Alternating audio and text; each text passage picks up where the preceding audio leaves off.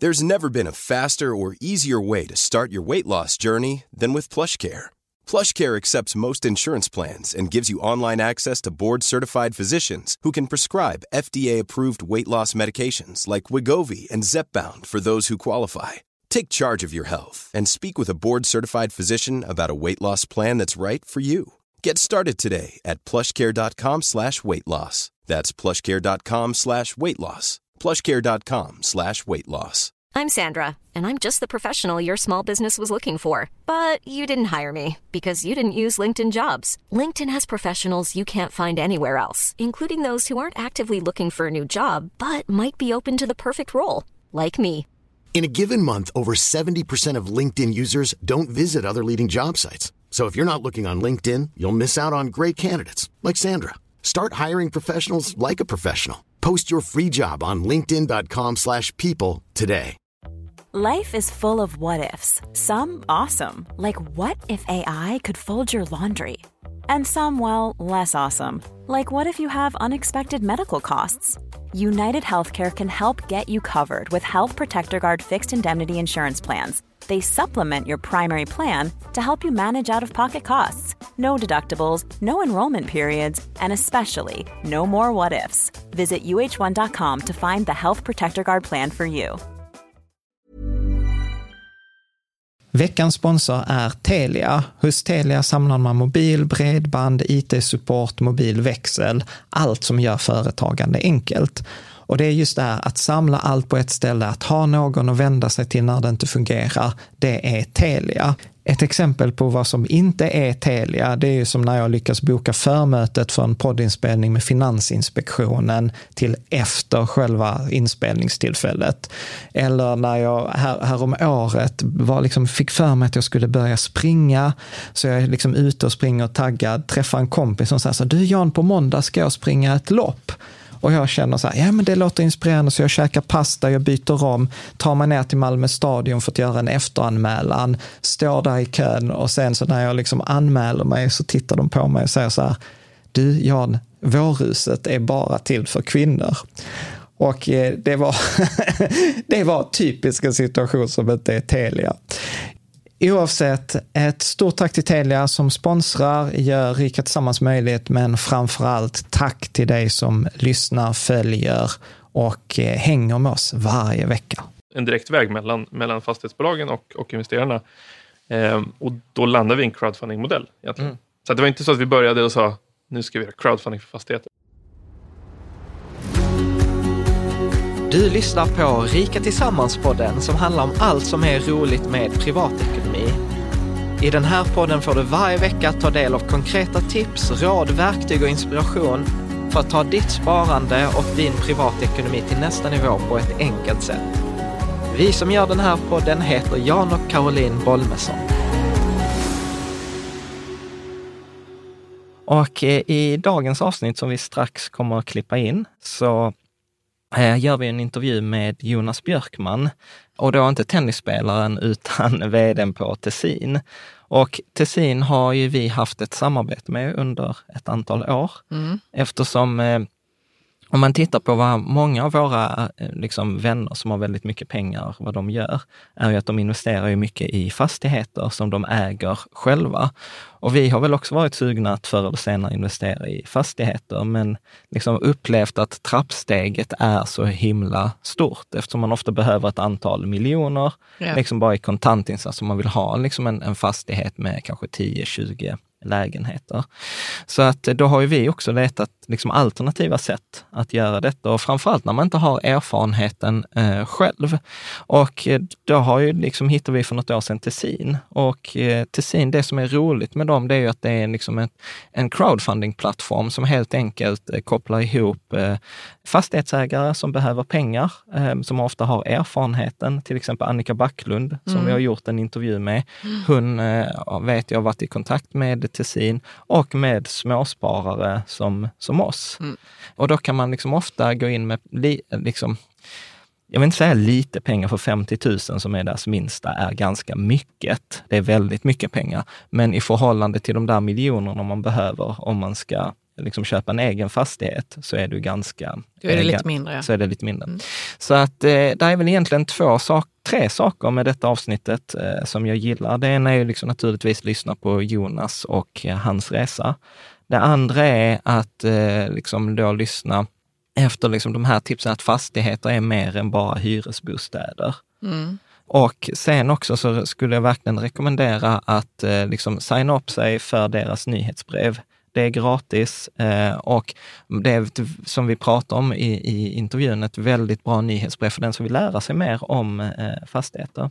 Och då får du gärna använda vår sponsrade länk eh, och det är det som är samarbetet helt enkelt mellan oss och eh, Tessin. Att om du registrerar dig med din e-postadress så får vi en liten ersättning, vilket gör det möjligt för oss att ha de här eh, poddavsnitten. Men även om det är ett eh, samarbete så hoppas jag att du kommer gilla den här intervjun för att vi kommer in på ganska många roliga saker, mm. tänker jag. Inte bara Tessin och inte bara fastigheter. Lite mm. olika grejer. Ja. Hade mm. du någon favoritgrej? Nej, men jag vet inte, jag gillar ju alltid de privata frågorna. ja, av någon anledning. Precis, du är nyfiken på, på Jonas. Nej, men sen så, sen så fick vi ändå lite, mm, alltså, lite mer eh, konkret vad det är man kan investera i. Det tycker jag också är, ja. är kul. Precis, att, mm. ja, men det var så här, att fastigheter är inte bara flerbostadshus, utan det kunde vara allt spännande. möjligt annat också. Mm. Ja, men precis. Med det, hoppas att du gillar intervjun. Idag är det dags för avsnitt eh, 42 och idag har vi med oss Jonas Björkman som är VD på Tessin. Och eh, Tessin är ju ett företag vi har ett samarbete med under ganska många år eftersom vi hjälper småsparare att investera i fastigheter. Och eh, Jonas, du har en jättespännande bakgrund. Du har ju allt från att pluggat i Linköping till jobbat som affärscoach, managementkonsult, riskkapitalbolag. Och nu senast så såg jag att du hade fått pris som så en av Sveriges tre supertalanger i Veckans Affärer. Så varmt välkommen! Tack så mycket!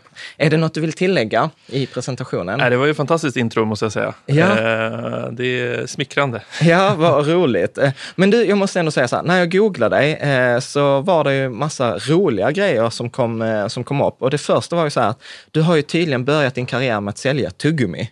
Eh, ja, det stämmer. Precis, det var länge sedan. Eh, men det var när jag var, var, var mindre. Var, eh, ja, men jag försökte hitta på ganska mycket saker när jag var liten ja. Eh, och, och, såg möjligheter där man kunde tjäna pengar.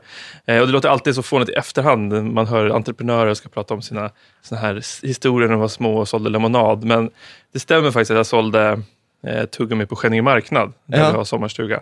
Eh, jag sålde squash, jag sålde saft något år och det var egentligen för att tjäna ihop pengar. Ett år var det att, att, att tjäna ihop pengar till att eh, göra en sån helikopterflygning på, på marknaden. Eh, wow. Som jag såg verkade Fast jag tycker ju det där är ju sjukt driftigt. Alltså, är dina föräldrar också så entreprenörer eller är det bara så att du hittade på det där själv? Ja, men de har, jag hittade nog på det ganska mycket själv. Eh, jag var väldigt, jag tror det kom väldigt mycket från att jag gillade uppfinningar Aha. när jag var liten. Så jag, jag försökte alltid hitta på nya uppfinningar. Jag tror inte jag kom på något speciellt revolutionerande någonsin. Men jag försökte efterlikna uppfinningar och sånt i Kalanka, uppfinna Jocke och, och såna här saker. Och, och med, med, det så kom det någon nyfikenhet att vad man kunde skapa i övrigt, tror jag.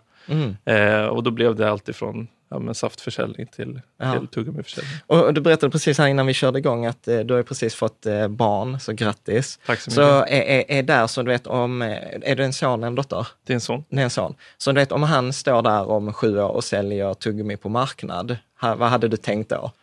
Eh, väldigt kul om han vill det. Ja. Det är så jag tänker. Ja. Eh, nej, men jag tror det är viktigt att ha den här kreativiteten och uppmuntra kreativitet. Ja. Eh, och nu är jag väl tidigt i min uppfostringsbana, det en månad, så att jag kan inte säga så mycket. Men, men eh, det, jag, jag, tror det är viktigt att, att man ska stimulera det och det har alltid mina föräldrar eh, stöttat mig i. Vad jag än vill göra så har de sagt att ja, men absolut. Sen inte de, har inte de någon entreprenörsbakgrund, men, men jag tror att det kommer väldigt mycket den här att ja, men, gör vad du vill. Ja. Eh, Men jag okay. tror att alltså, entreprenörskap handlar ju mycket om kreativitet. Och det är roligt, jag har en kompis som också är så här superentreprenör som du. Han, han säger så här att ja, men min dotter, alltså hon kan få starta vilket företag hon vill. Ja, ja, men precis. jag ja. tycker det är ganska kul. Men för, för, det där var den andra grejen som eh, när, när jag tittar. För, för det första måste jag ändå säga, det var ganska, du är ganska svårgooglingsbar eftersom det kommer upp en annan Jonas Björkman mm. hela tiden. Ja, det har varit en utmaning utmaning så att säga, bli, att bli hittad eh, på nätet. Eh, en tennisspelare som är ganska framgångsrik också. Ja. Så jag kommer ihåg för några år sedan när man googlade mig, då tror jag kom på på tredje sidan, om man gjorde en bildgoogling, så kom det en liten, liten bild på mig från, från LinkedIn. Så eh, det har varit en uppförsbacke. leva i skuggan ja, av... Men exakt. Liksom. Men det var faktiskt en gång så, så jag har ju, det är många som, som gärna vill träffa en tennisspelare, så att ja. i vissa möten och sånt där så de säger jaha, Alltså när man kom och dit, besvikelsen ja, det, var inte, det, var inte, det var inte tennisspelaren sen, men du kanske spelar tennis ändå eller? Så Vem är den andra Jonas Björkman Det är ju en, en väldigt eh, känd tennisspelare. Han spelar i eh, landslaget ja, okay. och vann... Ja, det är jag som inte har koll. Ja, precis. Eh, och har varit med i Let's Dance, va, tror jag. Han eh, det, så dessutom. Jag har fortsatt den här, liksom, att, ja. att, bli folkkär. Ja. Eh, men ja. det, är, det är kul att bli sammanblandad. Det var spännande. Men, och sen var det, måste, jag måste ändå ta en, en grej till som faktiskt kom upp. Och det var ju någon, eh, jag vet inte om det var Breakit eller något annat ställe där det var så här, jag la fyra år, på en, eh, fyra år av mitt liv på en kass idé. Uh -huh. Och, kan du inte berätta, liksom, vad var den storyn? Eh, nej men det var 2003-2004 så drog jag igång ett bolag eh, som var en, App Store för dåtidens smartphones och handdatorer. Det är inte så många som kommer ihåg, men det var Palm Pilots och Aha. iPacs och, och de här första lurarna från Sony Ericsson till exempel. De hade ju möjligheten att du kunde installera appar, man Aha. kallar det för program då, eh, som man gör i datorvärlden. Eh, och då drog jag igång det här bolaget, försökte bygga en svensk plattform eh, och byggde en fantastisk fin teknisk plattform. Mm. Eh, men första gången vi lanserade så tror jag vi sålde för tiotals tusen. Alltså ja. inte så mycket volym. Eh, sen fick jag tag på, på en väldigt duktig tekniker, alltså en teknisk utvecklare eh, som jag hittade på universitetet. Mm. Så tog vi ett nytag på det här. Så, så, så um, bestämde oss för att nu måste vi ju förbättra det här, så mm. då gjorde vi om hela plattformen på nytt. Eh, stängde ner allting i sex månader och så började vi om på nytt.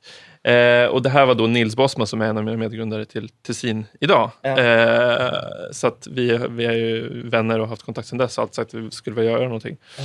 Men så, så höll på i sex månader, utveckla ännu bättre funktionalitet ja. och så lanserade vi det här. Eh, och sen så hände i princip ingenting nytt, utan det kom ungefär, ja men fortsatte 10-20 tusen. Ja. Eh, men det vi lärde oss där egentligen, jag tror både jag och Nils eh, fick en, en, ganska ordentlig insikt. Eh, det här var också efter dotcom-eran, så det var väldigt svårt att hitta riskkapital. Och, ja. och ja, det var inte så många som var, startups var inte så hett, Nej. kan man säga. Nej. Men det vi lärde oss var egentligen att marknad gå före teknik. Ja. Eh, det är... börja, kändes, kändes som ganska många företag borde ha insett ja, det där innan år 2000. Verkligen, och det är många som fortfarande kanske inte har, har insett det, utan man lägger väldigt mycket resurser på teknik, teknikutvecklingen. Ja. Eh, men det var verkligen tydligt, så att allt efter det har varit väldigt säljorienterat till en början och sen får du lappa ihop tekniken i efterhand när du börjar hitta en... en um... Men är inte det rätt vanligt ändå att man lägger kanske mycket tid på en idé eller flera idéer och de flyger inte, men man lär sig ju jättemycket på dem och som man sen tar med sig till det projektet som verkligen funkar. Ja, så är det verkligen. Och, och, och, vi försöker även ha det i när vi utvecklar bolaget nu, att vi vet ingenting i princip. Vi testar och sen så får man lära sig från det. Eh, alltså det man brukar prata om lean startup-modellen, att, att du hela tiden kommer på en hypotes, men vi vet inte. Det här är bara en gissning. Lansera det, testa det och funkar inte så lägger man ner det och, och så hittar man på något nytt. Precis där, fail fast. Ja, exakt. Liksom. Ja. Läste... Fail fast, ja. Man lägger inte för mycket tid på att testa, utan lagom. Ja, tid och inte, att... inte resurser, det är väl egentligen det. Eh, det handlar om att mm. du ska testa, testa din hypotes så pass billigt och snabbt som möjligt eh, för att kunna se om, om du har om det är någonting på spåren. Mm. Och sen får du ja. iterera fram det där om mm. du, om du får jag, jag läste någonstans så här, är det inte så att, med att ni ger den boken, Lean Startup, till alla era medarbetare yes, på Tessin? det gör vi. Alla får en Kindle, en, en Amazon Kindle och sen så får man eh, Lean Startup. Och det är för att man ska komma in i det här tankesättet. För ja. det är inte helt självklart. Eh, mm. Eh, framförallt om man kommer från andra bolag eller lite större bolag. Så att man, man mm. verkligen förstår att... Men vad är det för bok, din startup? Eh, Lean Startup är skriven av Eric Rice. Lean Startup. Lean Startup, precis. Den, där har man mm. applicerat lean-metoden på att bygga startups. Så mm. det, det ja, okay. Jag trodde den hette Din Startup, ja, men Startup. det var inte lika bra titel. Din Startup. Ja. Ja. Okay. Ja. Men berätta, så ni, ni gjorde den här, eh, där ni egentligen var så här lite före er tid. Alltså, men, om man vill vara snäll så kan man säga det. Ja, ja men jag är ganska snäll. ja. uh, och eh, sen så liksom, ledde detta, läste jag någonstans att du jobbade med finansiering av byggprojekt Eh, eller något sådant. Och det var väl egentligen förgrunden eller starten till eh, det som sen skulle bli Tessin? Eller? Ja, jag eh, körde, jag har ju varit inblandad i lite olika startups och delägare och, och så här, men jag körde också, jobbade med kapitalanskaffning på olika sätt, mm. egen, egen låda. Och där stötte jag väl på runt 2012-2013 just fastighetsutvecklare och fastighetsbolag som var i behov av, av finansiering mm. av byggprojekt men också om man skulle köpa någonting. Mm. Och då började vi titta på eh, började titta på hur kan man göra det här. Vi satte upp en fondstruktur, eh, hit, satt, satt ihop liksom, finansieringscase eh, som man sen distribuerade ut via liksom, traditionella eh, mäklare och rådgivare. Mm. Men just själva paketeringen som, som vi satte ihop. Och mm. det var där jag även lärde känna min tredje medgrundare, Erik Norin, som mm. har um, en bakgrund inom, som advokat inom M&A och, och sånt mm. där. Så att det, var, det var grunden. Och det vi mm. såg där var att men varför, varför, det här är ju ganska standardiserat, det vi håller på med mm. egentligen. Men man, alla tänker alltid att det är komplicerat och man tar in advokater och så bygger man det här Alltså man uppfinner, uppfinner hjulet på mm. nytt hela, hela, tiden. Hela tiden ja. eh, och anledningen till det är att det är många som vill ha betalt i liksom, finansbranschen i, liksom, på, på olika, i olika delar av, av mm. den här värdekedjan. Eh, så då tänkte jag om vi tar det här bara och sen så lägger upp det på en digital plattform eh, så vore det jäkligt coolt. Mm. Eh, Då kan man effektivisera bort? Eh, kan man effektivisera och ha en, en direkt väg mellan, mellan fastighetsbolagen och, och investerarna. Eh, och då landar vi i en crowdfunding-modell. Mm. Så det var inte så att vi började och sa nu ska vi göra crowdfunding för fastigheter och så började vi jobba, utan det var det kom, vi såg faktiskt det här behovet och vi gjorde det innan i en annan form. Mm. Ja, vad spännande. Mm. Men varför, eh, får jag bara fråga, varför blev det just fastighet? Hade det kunnat bli något annat om ni hade sett ett behov på samma vis? Ja, svårt att säga, men, men eh, det var just att det kom ju... Bankerna började skruva åt utlåningen. Eh, det var egentligen det som, som drev alltihopa. Mm. Basel 3-direktivet kom 2013 och då, då tittade man ju liksom på bankernas totala exponering i olika sektorer. Om det är industribolag, mm. eh, bolån. Alltså man tittar på hela exponeringen de har på vilken riskprofil de har. Och då har man sagt i princip att du får inte ha för stor exponering mot en viss sektor. Du får inte ha för stor exponering mot en företagsgrupp eller, eller du får inte ha för stor exponering på ett specifikt fastighetsprojekt. Mm. Och det gjorde ju att många som satt, eh, jag kommer ihåg att jag var nere i, i um, Karlstad träffade på en fastighetsutvecklare. Mm. Så, så sa jag som exempel att ja, men det är många som har gått från att de har fått låna 70 procent kanske från banken i byggfinansieringen. Mm. Eh, men nu får låna 50 procent. Och då mm. var det en, en, jag hade en föreläsning så var det en, en eh, fastighetsutvecklare som satt där och så, så räckte upp handen och sa så här, ja, det låter lite, lite sjukt men det är precis de här nivåerna som har, det är precis det här som har hänt. Mm. Eh, han hade haft 70 70-75 procent mm. tidigare och nu var så här, ja, men absolut, du får låna, men det är mm. upp till 50 procent. Min, min gamla mentor Klas-Erik, han sa alltid så här att banker, de ger dig paraply när det är solsken ute och så fort det börjar regna så ska de ha tillbaka det. Så är det. Så är det. nej, men, nej, men verkligen så är det. Och, det, det, och, nu kom det liksom ett, ett, regelverk som man också mm. la på det här som gjorde att ni får inte göra det här. Och det är klart att, att jag förstår att man gör det när du har en liksom, du har en, en stat som stöttar mm. det här, du har insättningsgaranti och då kan man inte ta hur stora risker som helst som, som banker. Eh, men det var egentligen det här som drev det, mm. eh, att det här behovet och det var också så, därför vi satte upp de här strukturerna. Så att, mm. Det är klart det kunde varit något annat men det, det, vi såg ett väldigt stort behov på grund av det här. Men eh, om ni skulle beskriva, liksom, vad, är, vad är det ni gör i, liksom, i ett par meningar? Så här, enklast möjligt. Ja, vi är egentligen en, en digital plattform för att koppla ihop eh, småsparare, investerare, eh, både professionella och, och privatpersoner eh, som vill investera i fastighetsprojekt och eh, mm. fastighetsförvärv. Mm. Eh, vi kopplar ihop dem med fastighetsbolag som mm. vill bygga och vill köpa mm. någonting. Mm. Eh, så att vi ger möjligheten att investera i fastigheter samtidigt som vi ger en, en, en ny kapitalkälla för fastighetsbolagen. Mm. För, för det, som, det som jag har gillat med er är ju så här, eller så här, om jag tar det från ett annat håll, så känns det ju som så här att fastigheter har ju alltid varit en klassisk investering på det sättet att det är en väldigt förutsägbar investering. Alltså det ger, har du liksom en en, en flerbostads eller flerfamiljsbostad så kommer hyrorna i slutet av varje månad och hyrorna är det som liksom familjer eller privatperson prioriterar mest. Eh, så att det, liksom, det, det har känts, alltså om jag ska överdriva lite, som att fastigheter är lite en avskälpningsplats för pengar. liksom när du har, nej men många så här Stena, eh, Stena Line som tjänar massor pengar, Stena Fastigheter, eh, många sådana framgångsrika bolag som sen har skaffat sig ett fastighetsbolag. ja men det stämmer ju. Och, och tittar man bara på de svenska institutionerna, alltså våra Mm. pensionspengar, så Mm. har det ju startats flera alltså, den, fastighetsbolag i egen regi. Mm. Alltså att man har gått in direkt och köpt stora, nu är det hyresbestånd framförallt, då, som, Mm. som man har köpt Wilhelm och, och de här Mm. som, som ägs av svenska institutionerna för Ja. att de gör det själv. Ja. Det att- finns inte med, jag tyckte jag så, så här, eh, men så här pensions, alltså pensionsfonderna köper liksom egna fastigheter. Precis, och det, de bildar egna fastighetsbolag. Och, ja. och, vilket också har varit, vilket kan, ha, har varit lite olyckligt på marknaden för att det som har hänt är att, att de har ju de har ju gratiskapital. Ja, och de har köpt väldigt mycket så det har ju trissat priserna. Ja. Deras avkastningskrav har varit ganska låga och så har man gjort storsatsningar. Så att Mm. för många mindre fastighetsbolag, alltså framförallt hyres, hyresbestånd och sånt där, så har, det varit, alltså har de gått in och konkurrerat på en, Mm. och, och skapat en ganska tuff marknad. Men om, om, om jag ska vara så här lite, lite tuff Ja. mot dig, så, så finns det ju liksom så här tre sätt, tänker jag egentligen, med att investera i, i fastigheter. Det ena är ju att köpa fastigheten själv. Men det är ju ofta så här, problemet kan jag ju, du vet, då ska man ha, för att ha en fastighet med 10-20 lägenheter, alltså vi pratar miljoner i kontantinsats. Liksom. Det andra sättet är ju att investera direkt i fastighetsbolagen, alltså som vi har på börsen. Och det tredje sättet är att göra det via er. Liksom, på vilket sätt, vad är fördelen att göra det med er gentemot att om jag skulle bara köpa typ Castellum eller Balder eller något av liksom börs, börsbolagen? Det, lite, det, det finns ju lite skillnader. Dels om du, om du köper, det finns ju olika karaktärer av fastighetsbolag såklart. Eh, så att väljer du ett bolag så får du en viss inriktning. Mm.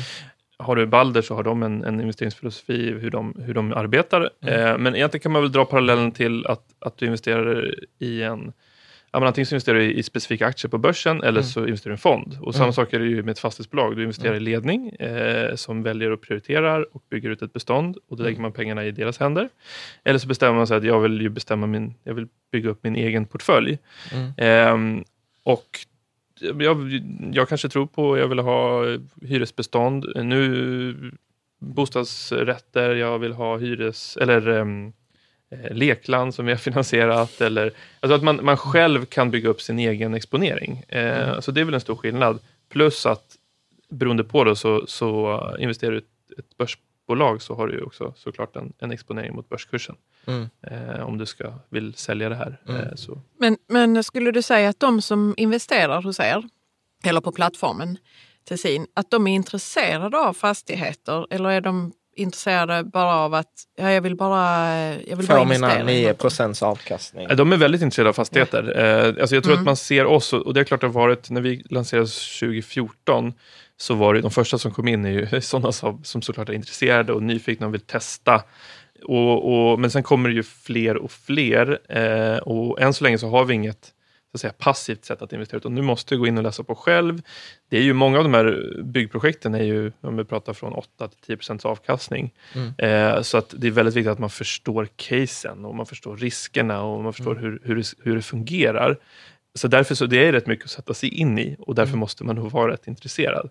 Eh, sen får vi se på sikt om vi kommer erbjuda andra alternativ som är mer Typ en fond eller- Fondliknande då, eller automatinvesteringar på kanske lägre belopp. Då. Precis, för, för, det, för det tänkte jag liksom att, att vad jag förstod det så har ni ändå valt med flit att sätta en ganska hög tröskel för en vanlig småsparare. I institutionella sam sammanhang så är 50 000, för det är väl 50 000, 50 000, som, ja. ja, som ni har valt eh, som, som gräns.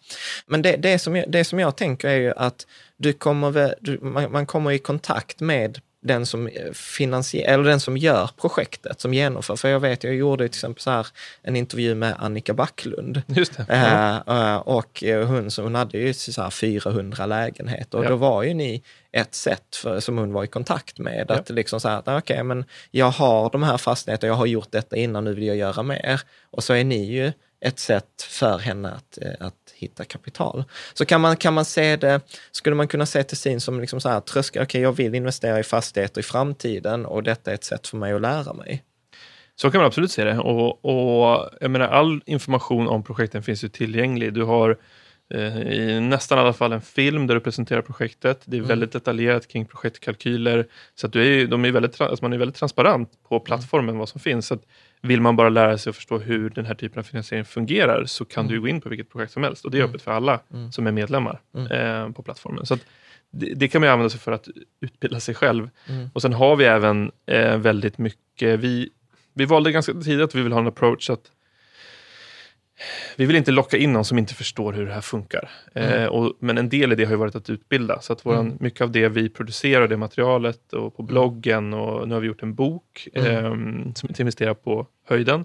Eh, Är det, är, det den boken man får om man registrerar sig med sin e-postadress? Ja, precis. I e-boksformat. Ja. Eh, sen har vi tryckt också. Ja. Eh, en tryckt format, så den säljs. Ja. Jag tror att den är ute nu. Och det är också ett sätt att, att bara, så här, där har vi egentligen sammanställt det du var inne på innan. Att, vi är ett alternativ, men Mm. du kan också köpa en fastighet själv. Eh, du kan eh, vara med och, bygga någonting själv. Mm. Du köper en mark och utvecklar någonting. Så att man ska få en förståelse, så här, okej, var är vi i hela det här? Mm. För, det, för det där brukar faktiskt vara en av de grejerna, för jag träffar ju många småsparare och många som är Alltså både de som har väldigt mycket pengar, Ja. eh, vet jag, men jag vet också att det är många som är unga som vill komma in. Och då har jag många gånger sagt så här, alltså, att ni har er blogg, ni har ju en egen skribent som Ja. jag har sett som skriver väldigt mycket artiklar. Och jag, så här, handen på hjärtat ska jag erkänna att jag har ju själv varit där inne och lärt mig grejer som jag inte visste. Så jag brukar rekommendera till folk så här, liksom, gå in där, eh, registrera sig på e- liksom med sin e-postadress för att få hem den här vad kul. boken. Och sen brukar jag säga, det är faktiskt två nyhetsbrev som jag, som jag följer. Ja. Och det är ert faktiskt och det är ett, eh, ett annat, ett amerikanskt, eh, Malden Economics. Ja, vad som är så här, var, varje gång, liksom, men det är så här, det är relevant. Jag vet inte, nu ska vi inte basha andra företag, men jag kan uppleva att nyhetsbrev många gånger inte är särskilt relevanta utan att det är mycket ett inifrån ut-perspektiv, medan ni har verkligen där som ni säger så att ja, men vi vill utbilda. Vill man lära sig om fastigheter så ska man kunna göra det hos oss. Nej, precis. Och det, det har vi också gjort ända sedan starten. Från att vi var tre personer Mm. till nu 16 så har vi fortfarande samma metod. Det är att vi, vi, eh, vi använder ett system som heter Slack som är Mm. väldigt ett bra sätt. Så att, eh, där alla anställda, egentligen så fort de läser något som är intressant, vilket alla gör hela tiden. Mm. Särskilt Så- om de får en Kindle. Ja, men precis. Ja, men det här är också artiklar. Man stöter på något på, på vägen till jobbet. Då postar man den i, i vår nyhetsbrevskanal och sen kommer det här in. Så att när vi gör nyhetsbrevet varje så tittar vi. Okej, förutom våra egna grejer, eh, vad har vi andra läst under veckan? Så det Mm. blir, ja, eh, ja men vi, vi sourcar ju fram de här utifrån vårt eget intresse och därför brukar det passa ganska bra eh, Mm. för de som, som, Som, som följer liksom. Men du Jonas, skulle du inte kunna berätta lite mer så praktiskt hur det går till när man eh, vill investera i något projekt på Tessin? Eh, först så registrerar man ett konto Mm. och vill man inte registrera ett konto först så kan man gå in och titta på i utloggat läge så kan man se avslutade projekt och det är av regulatoriska skäl. Vi får inte visa aktiva projekt. Mm. Eh, Och ni har väl loggat in. cirka, hur många avslutade har ni? 70 eller någonting sånt Runt där? 70, precis. Eh, Så att, Och där kan man ju säga att det finns, man kan investera i vindkraftverksbyggnad och flerfamiljshus och olika typer av eh, projekt. Leos lekland precis. har det också varit va? Ja. Fast jag måste ändå säga det roligaste, det var ju den här eh, flyggrejen Ja. med så här, man, man tränar fallskärmshoppning. Ja, men den... Nej, eh, men vindtunneln eller vad det Vindtunneln, var. precis. Ja. Exakt. Den Ja. var ju fantastiskt Så det är inte kul. bara eh, hus liksom, där folk kan bo utan det kan vara lite varierande projekt och det är ju väldigt spännande. Ja, precis. Och, och vi vill ju ha... Alltså, vi, vi försöker också ha... Nu har det varit väldigt mycket bostäder för det har funnits ett enormt kapitalbehov där eh, Mm. senaste åren.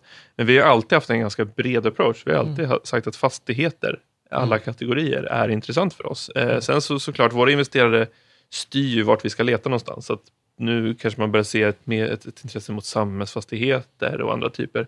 Eh, och då styrs ju hela tiden vad vi letar efter utifrån deras, Mm. vad de vill ha. Mm. Ehm, Okej, men man registrerar sig i alla man fall. registrerar sig eh, och vill man inte det så kan man kolla på tidigt avslutade projekt. Därför, Eh, där, där får jag ändå så här, Ja. för min egen skull säga, alltså, man får jättegärna använda vår länk. Vi har en sponsrad Precis. länk där vi har vårt samarbete. Yes, så efter länken. Efter länken eh, så går man in och då kommer du åt projekten, aktiva projekt. Eh, du går in och tittar på det. Där finns så mycket som möjligt som man kan vara alltså, publik med. Eh, Villkor, det är en standardiserad tabell så det är, det är alltid samma information som ska med i princip. Det kan vara lite olika beroende på om det är olika typer av projekt och då kan det vara liksom olika mallar. Eh, men, men målet är att, att all, det ska vara samma information och finns inte informationen ska det framgå också. Alltså att det mm. finns inte i det här fallet. Eller, eh, vi har bygglov som mm. en, i, om det är något som ska byggas. Ja, men då, då ska du kunna se status på det bygglovet och mm. finns det inte så ska det framgå. Eh, och du har eh, så ett villkor, en film som jag nämnde innan, eh, försöker vi alltid få med. Eh, risker i just det här. Vi har dels allmänna risker och sen så särskilda risker som är just Mm. Den här typen av projekt, vad finns det för risker i det? Eh, men sen då framförallt eh, projektägaren som presenterar vad är det vi ska göra. Mm. Eh, vi ska köpa någonting eller vi ska bygga någonting. Och sen presentera en projektkalkyl kring mm. det. Vad är det som, eh, riskerna? Vad är det som kan gå fel? Eh, det är lite olika i olika, olika typer av projekt. Eh, jag menar, det, ska du köpa ett hyresbestånd till exempel och du mm. lånar ut till det här förvärvet, om då är det en viss typ av risk, då, mm. då vakansrisk. Mm. Då är det hur ser hyresgästerna ut? Hur mm. har de sett ut historiskt? Om man planerar att öka, hur svårt mm. kommer det bli? Man kan ha fel i fastigheterna mm. såklart eh, på olika sätt. Eh, ett byggprojekt, då är det ju oftast byggrisken som, som är liksom den, den, den stora delen. Eh, mm. Det vill säga att vi, man tar oftast in pengar precis när man ska starta igång bygget kanske. Då. Mm. och då har du ofta en del från banken, en del från oss och sen en del från, från sin egen balansräkning. Mm. och då är det ju såklart hela byggfasen. Vad, mm. vad kan hända i byggfasen? Eh, vad kan man stöta på för problem? Eh, och det är också olika hur komplicerad konstruktionen är. Då. Mm. Eh, och sen så är det ju marknadsrisk. Mm.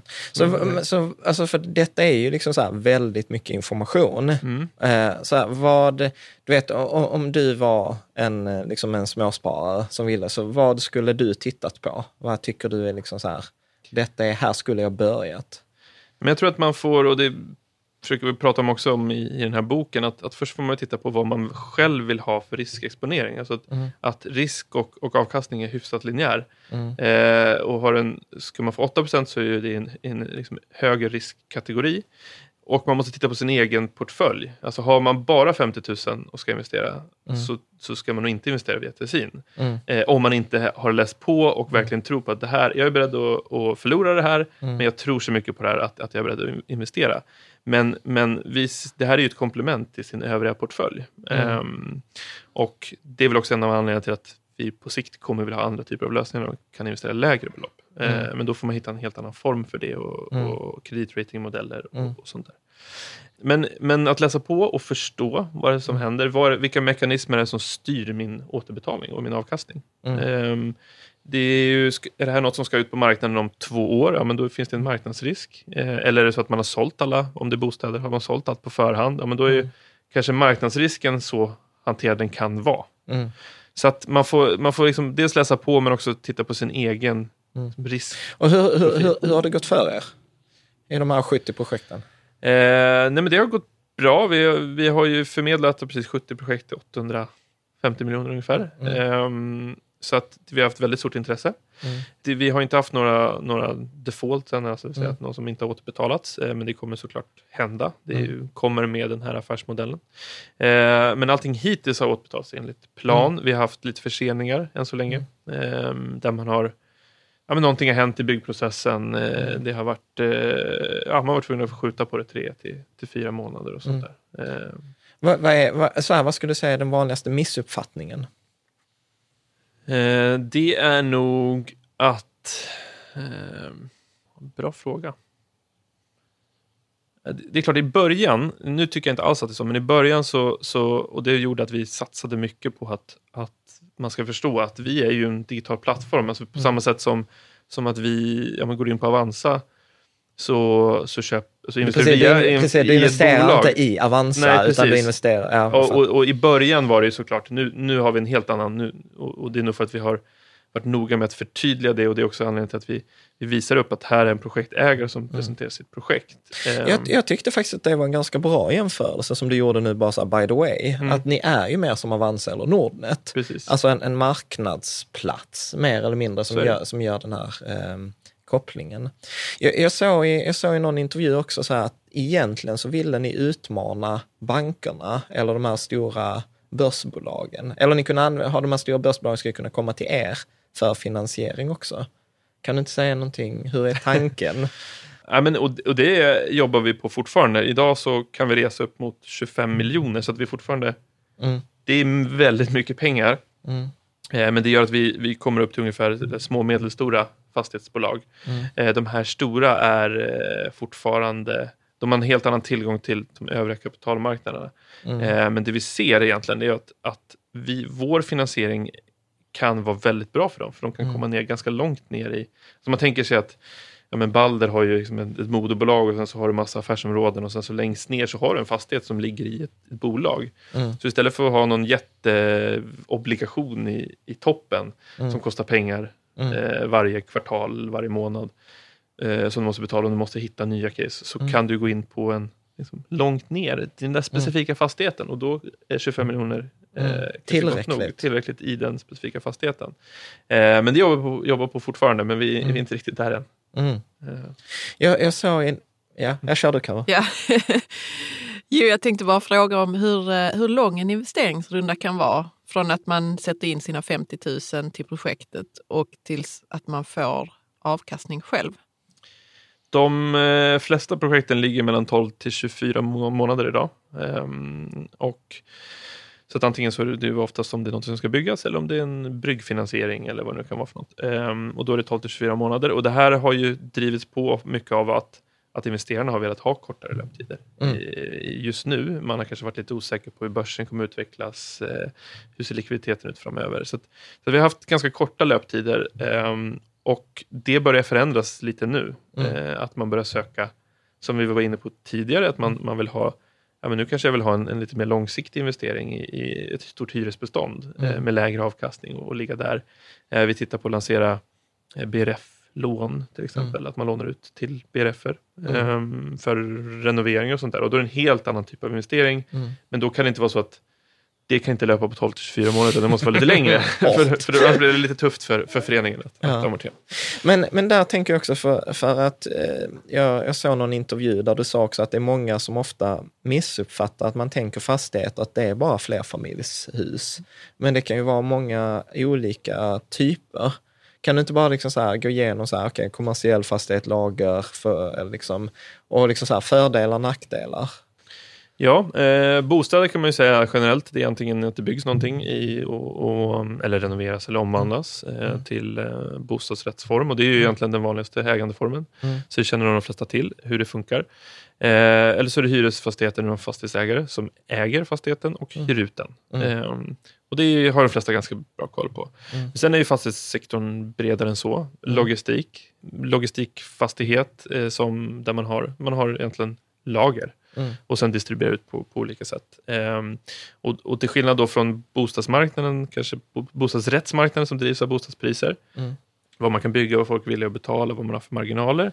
Sen har du liksom hyresfastigheter som kanske blir ännu mer värda när, om, om, om eh, den, liksom, bostadsrättsmarknaden blir skakigare. För då vill, vill man ha tryggare alternativ.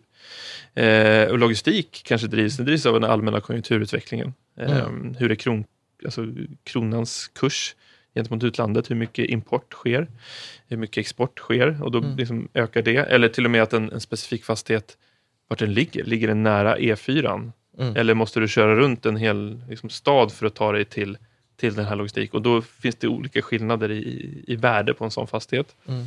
Eh, kontor. I Stockholm så har vi nog en historiskt hög eh, Mm. kontors...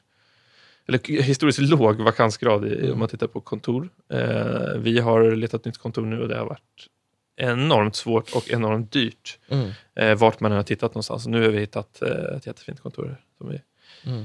eh, hyr av en fackförening och då, då blir det bättre. Eh, men eh, sen tittar du på eh, ja, kommersiella fastigheter, det är ett ganska brett begrepp. Eh, du kan ha handel som är, ja, om du går i vanliga butiker.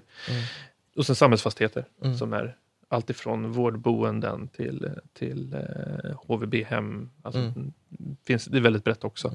Men hur, hur, ska man, hur ska man tänka där då? Alltså för att jag som inte är, jag är ju mer liksom företags och aktie eller fondnörd. Mm. Det, typ, ja, men det jag känner till är som du säger där i början, BRF och hyresfastighet. Så jag kan ju uppleva så här med lager, är inte det så här sjukt hög risk? Ja, men det, precis. Här. Och, och det är klart att den, det beror ju på liksom mikroläget som jag var inne på. Ja. Eh, vad används det till? ja. Eh, vem är hyresgästen? Ja. Ehm, och är det så att, till exempel när vi finansierade Lekland, fyra stycken Leos Lekland, eh, Mm. då hade man egentligen en, en, ett fastighetsbolag som sa så här, vi vill äga det här långsiktigt. Mm. Eh, det finns, Leos Lekland har tecknat långa hyresavtal, Mm. alltså att de planerar att vara här länge. Eh, det finns en förutbestämd hyra, så att den, Mm. det var väldigt attraktivt för en, eh, en fastighetsägare att äga de här och sen Mm. hyra ut dem till en stark motpart. Mm. Eh, så då sa de i princip, vi kommer köpa de här när de står färdiga. Så att när Mm. vi kom in var i, i, i byggfinansieringsfasen. Mm.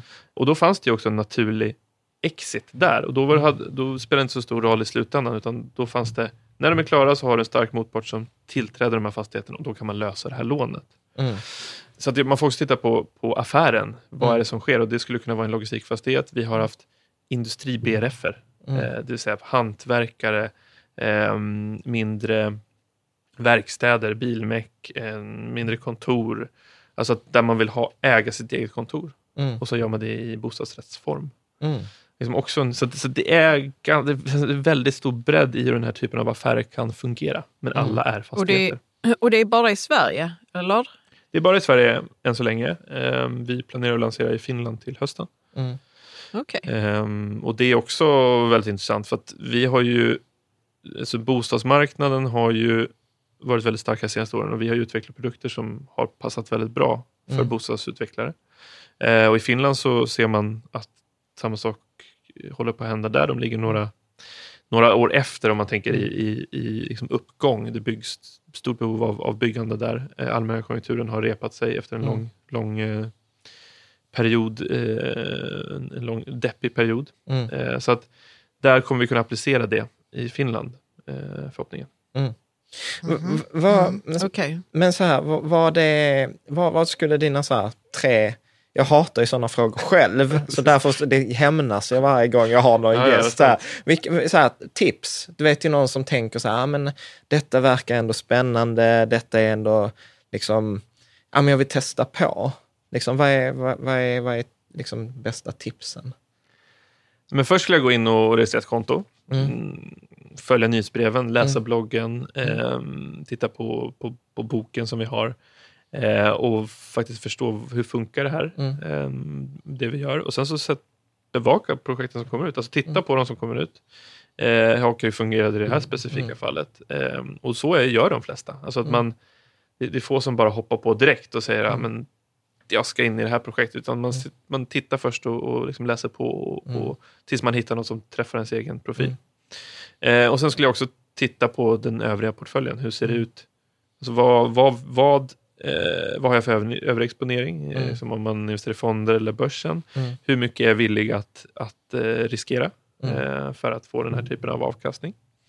Och sen ska jag titta på investeringshorisonten. För att Mm. vi, det, om du köper en aktie på, på börsen, i alla fall något, något på någon av de stora listorna, så har du förhoppningsvis likviditet i den så att du Mm. kan sälja den. Och i det här fallet så har du oftast en bestämd löptid. Mm. Eh, och då är det så att du investerar på 4-5 års sikt Mm. Så har du ingen möjlighet att sälja den, i alla fall inte vad vi erbjuder än så länge. Alltså att, Mm. att du har en andrahandsmarknad och sånt där. Så Mm. då får man också titta på hur länge kan jag låsa in de här Mm. pengarna. Eh, hur- Där, så här detalj, hur funkar det rent praktiskt? För att det är ju inte er, som återigen som Avanza eller Nordnet-metaforen, Mm. utan då går jag in i den fastighetsägarens bolag eller är det en preferensaktie eller hur funkar Eh, det? ja, vi, har ju, vi kör framförallt lån i dagsläget. Okej. Eh, förut så körde vi mycket preferensaktier. Eh, vi har skiftat nästan till uteslutande lån. och anledningen till det är att vi har börjat jobba med större fastighetsbolag. Mm. Och då blir banken inte lika, alltså då tolererar de en högre andel som är inlånat kapital. Mm. Men precis i början när vi hade projekt på 2,5 miljon Mm. eh, totalt och vi finansierade en miljon. Men då var det viktigt för banken att säga, ja visst vi lånar ut 50 procent men resten måste komma in som, Som, ett kapita- eget som, kapital. som eget kapital, ja, jag fattar. Ehm, så vi kör eh, lån. Ehm, och du Och har, har, har jag några säkerheter? Ja, eh, det, det skiljer sig alltid och det, är också, det står i, i, på de olika alltså, Det, Projekten? projekten vad man kan erbjuda för säkerheter. Eh, men det är egentligen det som händer är att du, du går in, reserverar en andel. Ja. Eh, när du gjort det så, så när vi har fått upp tillräckligt många intresseanmälningar så skickar vi ut skarpa avtal. Mm. Och det avtalet är ett, ett, eh, ett låneavtal. Mm. Eh, som, man, som man egentligen alla investerare får. Mm. Eh, och det slås samman till så att säga, ett skuldebrev som, mm. som, som eh, bolaget, eh, bolaget tecknar. Men egentligen så är det så att jag, om jag investerar eller lånar ut så mm. går det direkt till fastighetsbolaget. Mm. Eh, mitt lån är direkt till det. Mm. Och Sen så har vi en agent kopplat till det här som är Intertrust. Eh, de är, det är väl de som är de största, om man tittar på obligationer och så, mm. så är de oftast en agent som företräder alla långivare. Eh, som, och som då också håller eh, panter, eventuella panter om man har det. Okay. Och då kan det vara fastighetspant. I, mm. i de flesta fall så, så har vi fastighetspant eh, och mm. den kan den variera om det är Eh, en, om, om, man får en full fastighetspant eller om man efterställt banken. Så det får man titta på, mm. liksom, hur säkerheten ser ut. Och vad man har för värdering såklart mm. På den. Eh, aktiepant, alltså det vill att man, man, eh, agenten kan, kan ta kontroll över aktierna i det bolag som äger marken mm. eller, eller fastigheten. Personlig borgen och så här. Så det finns mm. lite olika varianter. Um, men det eh, skiljer sig mellan de olika casen, så det är också viktigt att man tittar på just i det här fallet, vad, mm. vad får man för, för säkerheter. Och, hur, stor, hur stor kan avkastningen vara då? Eh, den varierar mellan 8 upp till 11 procent ska jag säga just nu. Eh, tidigare har vi haft lite högre, eh, 12 procent i något, något mm. case. Och det är innan, innan man skattar på eh, sin vinst också? Mm. Ja, mm. precis. precis. Eh, bra. Jag tänkte, jag har lite, lite andra frågor. Ja. Alltså, för man måste ändå säga så att ni, har ju, ni är ju ett av de om inte det största crowdfunding-företaget i Norden. Det är vi. Ja. Mm. Så att då, då, måste man, och liksom precis som vi sa innan, att du har fått den här utmärkelsen som supertalang. Och så mm. så då, då, då, är det liksom ganska rimligt att säga att du är ganska framgångsrik och den resan ni har gjort är, liksom, på den nivån där ni är nu, har, har ju gått bra. Eh, hur skulle du liksom, för att min upplevelse ofta när man pratar om framgång, att det är liksom man säger så, ah men du vet han blev eller hon blev stjärna över natt. Och har man varit med ett tag så vet man att den där vägen är inte ofta så himla spikrak. Hur är, hur är liksom din upplevelse? Har det varit liksom så här många, du vet, käkat havregryn och, och, och salt eller liksom hur, hur har din entreprenörsresa varit? Nej, men det är ju väldigt svårt att bygga bolag. Ehm, det är ju enormt mycket jobb eh, och det är väldigt mycket, alltså, det är väldigt liksom, mentalt utmanande att hela tiden, för att du lever ju i ett konstant problem. alltså du, det är egentligen vad entreprenörslivet handlar om, att, att du har nya problem att lösa hela tiden. Och det är också det som är kul. Mm. Eh, om man, och det måste man triggas av om man ska bygga bolag. Eh, men det är ju Alltså även om, om det har, går bra och det har gått bra så finns det väldigt mycket kvar att göra. Det är inte så att vi går runt och eh, känner oss nöjda utan vi ser ju hela tiden vart problemen finns och vad mm. vi måste lösa. Och vi måste nå upp till det här mm. och när vi gör det så kommer det vara bra och vara skönt för då kommer så att, mm. eh, Och jag tror inte ens de som då kanske, nu, nu ser jag mig inte så, som så framgångsrik, men om man tittar på de här enorm, som superentreprenörerna som, mm. som eh, säljer bolag för hundratals miljarder. Nej, men de, mm. det, det, är ju samma sak där. Alltså mm. det, det, eh, det är alltid nya utmaningar och jag har väl fått inse att, eller jag, jag, min filosofi numera är att, att jag tror att så är livet och att det finns inget som är bara det här händer så mm. är vi, så är vi klara. Så är vi klara. Ja. Eh, och då kommer allt vara skönt och härligt. Ja. Utan det handlar mer om att att försöka leva i det kaoset som är och njuta av det och, och, mm. och se till att, att, att försöka trivas i det. Mm. Och trivs man inte i det kaoset, ja, men då får man göra något annat. Mm. Men jag tror inte man ska tro att ja, men bara vi gör det här sen så, så kommer man kunna koppla av och då kommer alla vara nöjda. Utan mm. vi kommer ha eh, det kommer finnas mycket att göra tekniskt på vår mm. plattform till exempel. Vi kommer ha projekt som, som är problematiska, investerare som kommer vara arga och Eh, så att varannan dag är de jätteglada och varannan dag är de jättearga. och då måste man balansera det här. Och, ja. och ja, jag... Eh... Jonas, hur gör du för att slappna av då i kaoset? Det, nu har det inte blivit så mycket sånt senaste månader som jag precis fick barn, men, men eh, träning har varit väldigt viktigt. Eh, jag har försökt eh, verkligen trycka in att jag måste träna eh, minst två mm. gånger i veckan, eh, för annars så pallar man inte stressen egentligen. Vad blir det för träning då?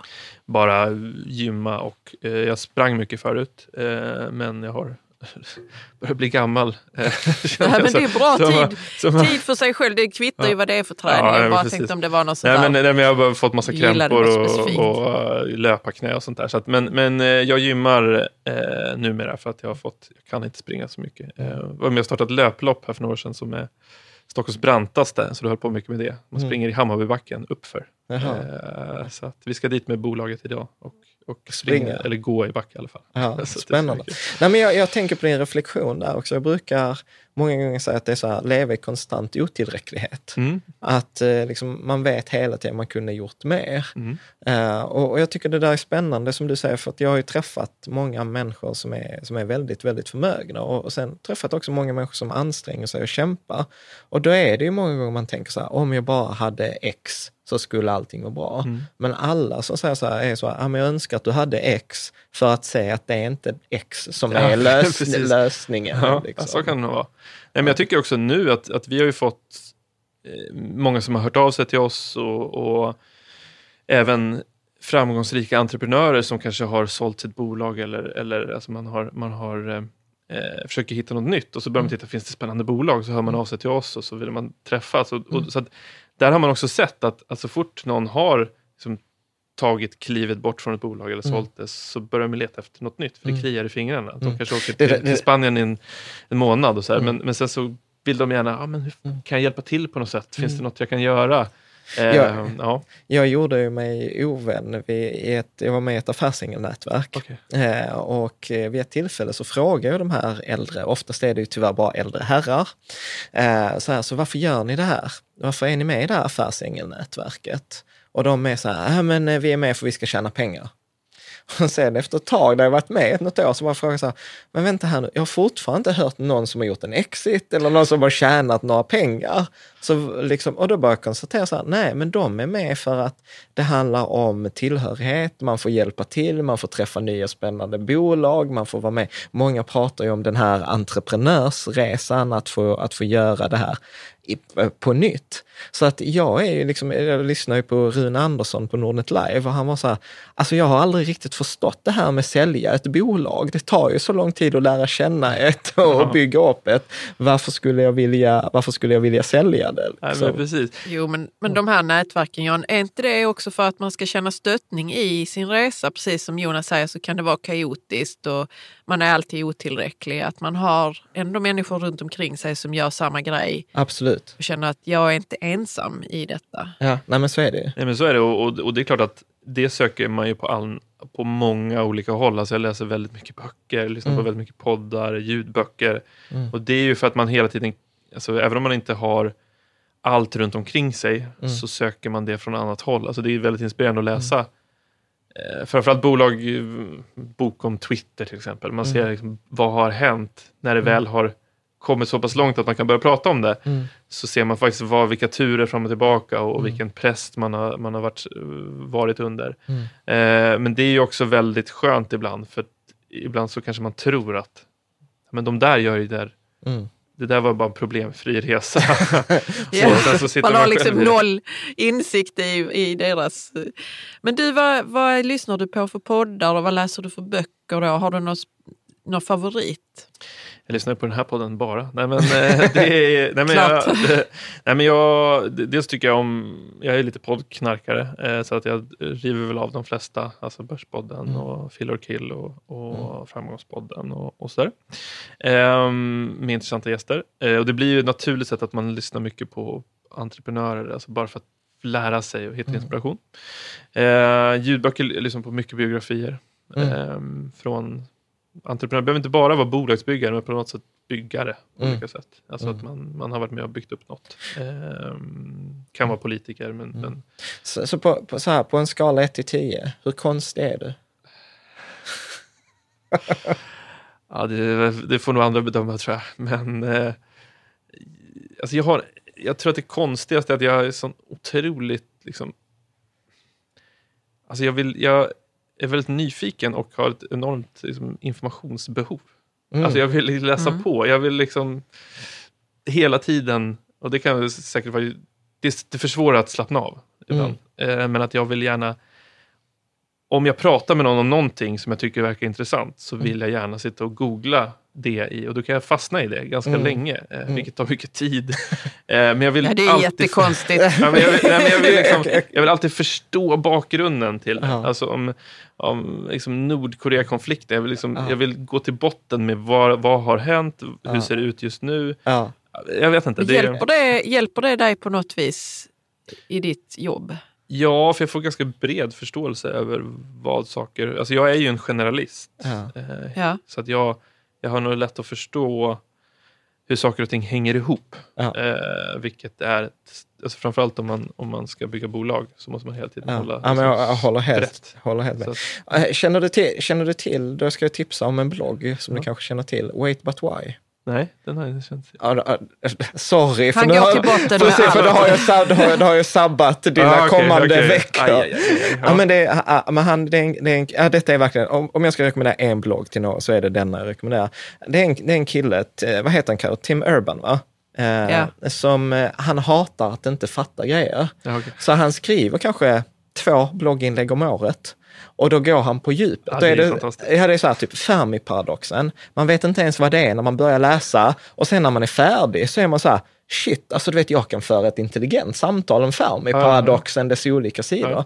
Och det roliga med honom är ju att han, alltså verkligen det är så här 75 A4-sidor. Vet, hans, podd, hans blogginlägg säljs som e-böcker Mm. liksom.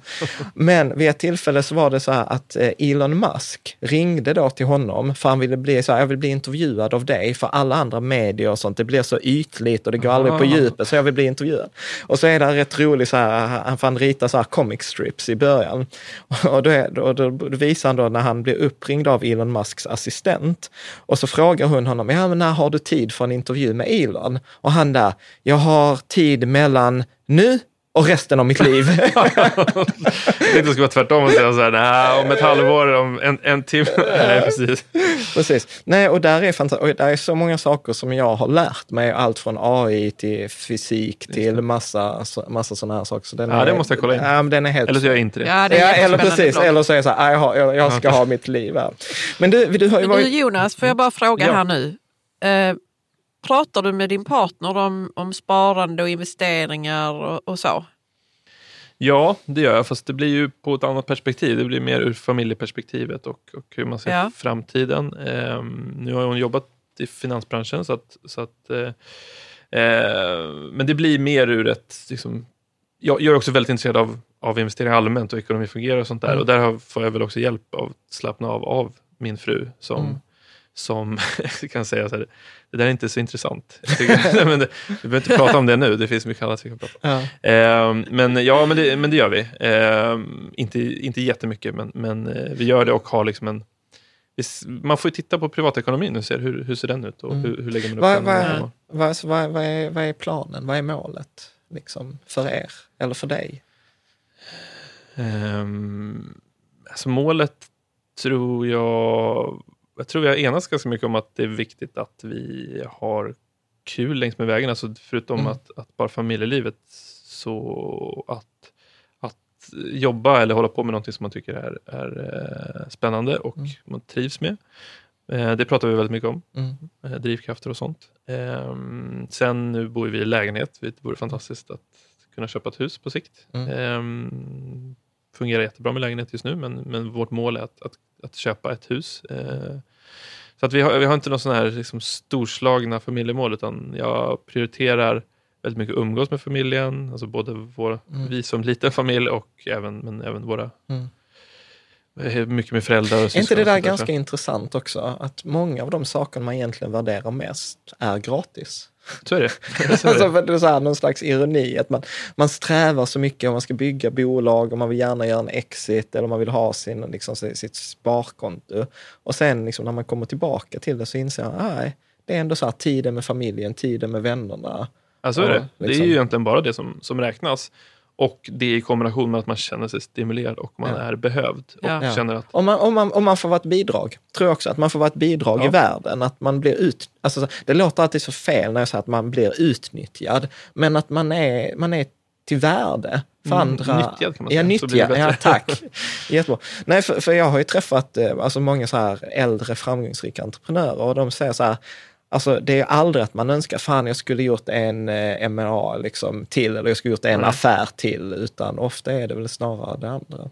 Nej, då är det väl affären för att man har tyckt att det var en spännande affär. Ja. Alltså det är det som, som, Precis. som triggar. Jag har två, två sista eh, frågor. Mm. Eh, och den är, du har ju varit inne mycket på det här med böcker och att ni ger bort en Kindle, för att det är en av mina favoritfrågor. Om du skulle ge bort en bok, liksom, vilken bok ger du bort helst? Och nu får du inte svara den där Lean. Startup, som, svar. precis som ni ger bort. Eh, att det är en oerhört eh, svår fråga. Ehm, jag, jag har en bok som, som jag har rekommenderat någon gång förut. Och, ehm, det är en bok som heter King of Oil ehm, om Mark Rich som byggde egentligen um, Glencore. Sen kan man, kan man vara kan man tycka vad man vill om, om olja och, Mm. och eh, mineraler och handel kring det.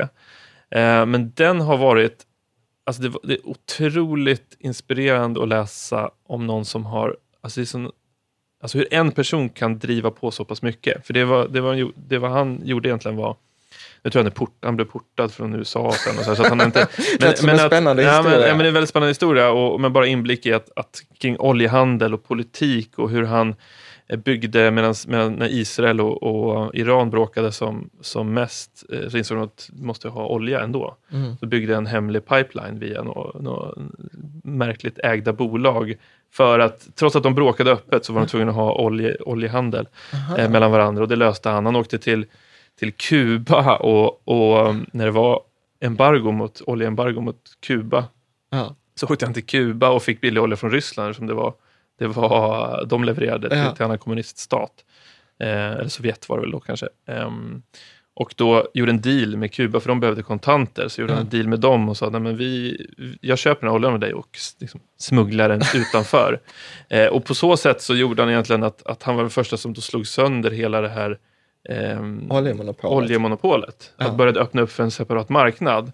Sen är det ju massa oetiska saker, jag skulle göra så själv, men att läsa det och Ja. bara säga så här, Wow! alltså, du, alltså bara med en- person som är kanske galen, men, men, men vad man kan, alltså bolaget finns ju kvar och är liksom en, en, en av de största aktörerna på, på mineralmarknaden, tror jag, Glencore. Men, Ja. men, eh, men eh, just vad, vad man kan, vad man kan göra. Den impact. som bara drivs av, av liksom att göra business på olika sätt. Eh, Det var, jag blev ganska blown away av den boken. Just. Ja. Ja, men det låter ju vad precis, det, det, det låter ju nästan så här, vet, så här inte spionroman, men, men att, eh, ja, men så, jag kan ju uppleva så här, verkligheten många gånger överträffar dikten. Ja, men faktiskt. faktiskt. Ja, verkligen. Eh, och hur mycket som pågår som är, och det kan man ju se på hela nu, vad som händer i politiken med Trump och Ryssland och härom, härom nu är, i dagarna har det varit de här Cambridge eh, Analytics, Ja, ja. Analytica som, Ja. som är man har sett data från. Facebook. Och så här. Det sker väldigt mycket som man inte Det- pratar om eller ser, utan det sker bakom. Och, Mm. och, så att jag tror det kan vara bra att bli påmind om att allting är inte vad det ser ut som alltid. Mm. Så läser man om det till slut om, om 15 år i Mm, någon precis. politikers Ja. självbiografi. Exakt. Ja. Men du Jan, du hade ju en fråga kvar. Kan inte jag bara få flika in med Okej, en? ja, så kan klart. du få avsluta med din. ja, det är klart. Shoot. Jonas, om, du, om, du, om vi säger så här, du får 20 miljoner i handen. Och vad vill du göra med dem då? Du behöver inte investera dem, men du kan göra det för du vill. Eh, först skulle jag nog sätta av en liten del till att kunna köpa ett hus. Eh, Mm. Det skulle jag göra. Eh, jag skulle eh,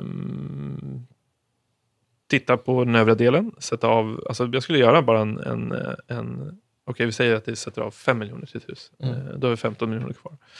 Då skulle jag titta på, eh, sätta upp, okej långsiktigt, vad behöver man? Eh, jag skulle vilja sätta upp att, att se att du har en passiv inkomst, så att du har en, på något sätt sätter upp en, en struktur som gör att du kan, vad som än händer så har du en hyfsad inkomst som, Mm. som kommer in till hushållet. Den behöver inte vara jättestor, men en, Mm. en, en bastrygghet. Mm. Ehm, och sen så skulle jag liksom, sätta av det. Den, den långsiktiga ska vara trygg och den lite kortsiktigt sätta av en del som, som, som man kanske delar upp i lite olika. En del som du kan förlora helt, som du Mm. Investerar i lite startup-projekt och sånt där eh, som du ska vara beredd att förlora allt på. Eh, så att, för att det är kul. Eh, och sen så skulle jag Nej, men jag skulle nog drivas ganska mycket av, av vad som är, och det gör jag idag också. Som är roligt. Alltså man har en, trå, alltså en tråkportfölj. Mm. som inte händer så Ja. mycket i. Och sen så har jag Tack för så att du mycket- säger det, för Ja. det där är min så här, att investera en del av sin position, det ska vara så tråkigt som att se målarfärg torka Ja. eller se Ja, gräs men så är det. växa. Så är det verkligen. Ja. Eh, och se till att, att eh, det finns en, liksom, pensions, eh, en, en pensionstanke där, där långt fram. Mm. När man inte är lika Mm. pigg och kry och, och kan Mm. jobba lika mycket. Kanske. Gud, jag hade inte kunnat säga det bättre själv. Tycker det låter helt fantastiskt. Du, sista frågan. Ja, Är det någon fråga som du önskar att vi hade ställt? inte vad jag kan komma på. Mm.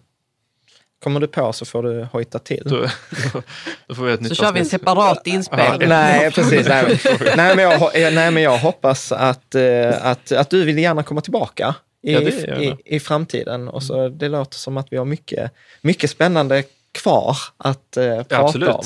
Inte, sitter mi- här och- en- inte minst skulle det varit roligt att eh, prata om liksom hela startup-branschen Mm. och liksom att driva den typen av bolag som är väldigt, väldigt eh, speciellt. Mm. Men det, det, det kan bli ett annat avsnitt. Ja, jag kommer gärna tillbaka. Så Tack för att eh, du kom Jonas. Tack så mycket. Så, jag hoppas att du gillade intervjun lika mycket som, eh, som vi gjorde. Att det var roligt att träffa Jonas. Jag hoppas att vi kan eh, ta tillbaka Jonas i ett annat avsnitt och prata om hela den här entreprenörsresan Ja, och startup-branschen. Mm. För att det där är ju... Det, Det är en helt är, annan värld. det är en helt annan värld och det där är Mm. superspännande.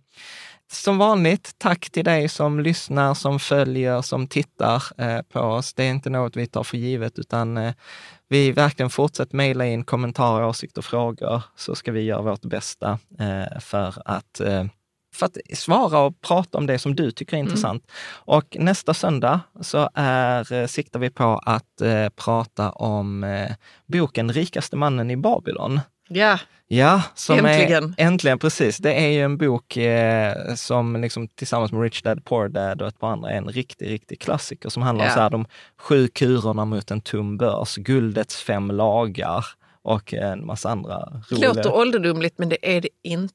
Nej, ja, det var Nej. fantastiskt, eh, fantastiskt spännande Ja. faktiskt när vi gjorde det. Så att eh, vi ho- hoppas att vi ses och hörs nästa söndag. Om du vill eh, hjälpa oss sponsra, liksom använd vår sponsrade länk här för att registrera dig för Tessins nyhetsbrev. Ha en skön vecka.